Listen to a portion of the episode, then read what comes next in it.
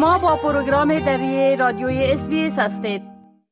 شنونده های عزیز در ماه سپتامبر ما باز هم شاهد پایین آمدن قیمت خانه ها و بلند رفتن بیشتر نرخ کرایه ها در استرالیا بودیم و هنوز هم پیش بینی های وجود داره که میگن ای میلان ادامه خواهد یافت.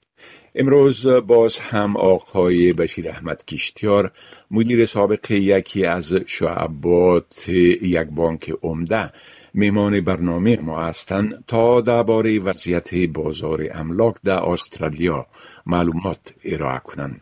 آقای کشتیار با عرض سلام خب ارقام و ایسایه های نشر شده نشان میده که میلان نزولی نرخ خانه ها و منازل رهایشی باز هم در ماه گذشته یعنی ماه سپتامبر در استرالیا ادامه یافت. اولتر از همه اگر بگوییم که گزارش ها نشان دهنده چی مقدار کاهش در قیمت خانه ها و منازل طور اوسط در سراسر استرالیا در ماه سپتامبر هستند؟ تشکر شکیب با شما هم و شنونده عزیز خود سلام میرسانم. در ماه سپتامبر بر عد اوسط قیمت خانه ها یک خانه 730,163 هزار دلار گفته شده و نرخ منازل بعد سطح اوسط در سطح ملی یعنی سرتاسری استرالیا یک اشار چهار فیصد پایین آمده یعنی کاهش یافته. بله. خب آله اگر لطفا بگوین که در نرخ خانه ها در هر یک از شهرهای عمده و مراکز اطرافی و روستایی در ماه سپتامبر چی تغییر رونما شد؟ شکیب صاحب از سیدنی آغاز می‌کنیم در سیدنی در ماه سپتامبر قیمت منازل اولین بار است که سال 1990 که رسیشن بود. بسیار به صورت شدید پایین آمده. یعنی یک اشاره اشت فیصد. و یک قیمت وسط خانه منزل در این شهر یک میلیون و پینجا و سی هزار و یک سی و یک دلار می باشه. به می ترتیب در ادلیت صفر اشاره چار فیصد پایین آمده که یک قیمت خانه به صد اوسط به 649 هزار می‌رسه و به برزبون یک اشاره اف فیصد پایین آمده که قیمت اوسط یک منزل یک خانه در این شهر 746 هزار دلار می باشه. و در کانبیرا یک اشاره 6 فیصد پایین آمده که قیمت اوسط یک خانه در این شهر 886 هزار 990 دلار میشه. و ضمنا در داروین یگانه شهر است که تغییر وجود نامده تغییر شاید کنم تغییری نبوده اما ادوسط یک خانه در اینجا 5 لک و 9440 هزار دلار گفته شده. در هوبارد یک اشاره 4 فیصد پایین آمده. در شهر قیمت یک خانه تقریبا حد اوسط 705 هزار و 79 هزار دلار گفته شده. در ملبون یک اشاره یک فیصد پایین آمده و قیمت اوسط در خانه در این شهر 774531 دلار گفته شده و در پرت صفر اشاره چهار فیصد پایین آمده. یعنی یک قیمت یک خانه به حد اوسط در این شهر 5 لک 58879 دلار می باشه. ما اگر به طور مقایسه ای امید از جولای به این فکر کنیم در نظر بگیریم هر یا شهر هر ایالت حداقل بین 80000 تا دو لک دو نیم لک دلار حتی ببخشید تا سه سی نیم لک دلار تفاوت نشان میده که یک کاهش بسیار عظیم است. شکیب بله.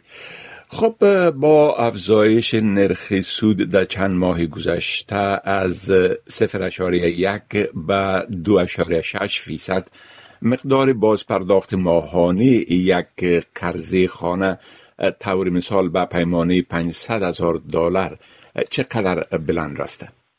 شکیب صاحب در از ماه میک تا کنون افزایشی که در نرخ صورت گرفته در یک قرضه یا در خانه که با پیمانه 500 هزار دلار قرضه وجود داشته باشه از او مای می به این سو به صورت مجموعی 687 دلار افزایش صورت گرفته در باز پرداخت و می ترتیب در یک قرضه 550 هزار دلاری 1030 دلار افزایش صورت گرفته. و در اخیر در یک قرضه یک میلیون دلاری می‌تونیم بگیم که از ماه می بدین سو 1374 دلار افزایش صورت گرفته در باز پرداخت قرضای خانه.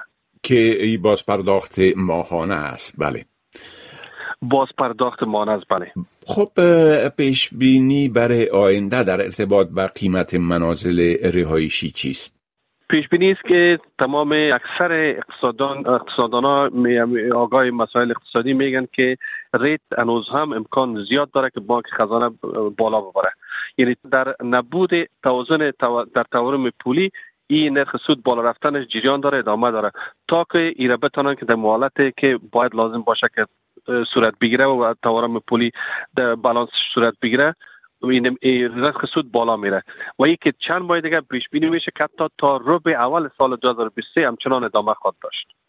خب ارقام نشر شدن نشان میده که نرخ منازل کرایی هم در بسیاری از شهرها در ماه آگست بلندتر رفت و افزایش نرخ آپارتمان های کرایی نسبت به خانه های منفرد بیشتر بود. بله؟ دقیق شکیب بسیار جالب است که برای اولین بار اپارتمان ها در شهرها که انر سیتی میگن با مراتب بالا رفته. یعنی به صورت اگر سالانه در نظر بگیریم 11.8 فیصد بالا رفته در یک سال گذشته. بله. این از بله. اینال تقاضا بسیار زیاد شده. تقاضا زیاد و عرضه کم.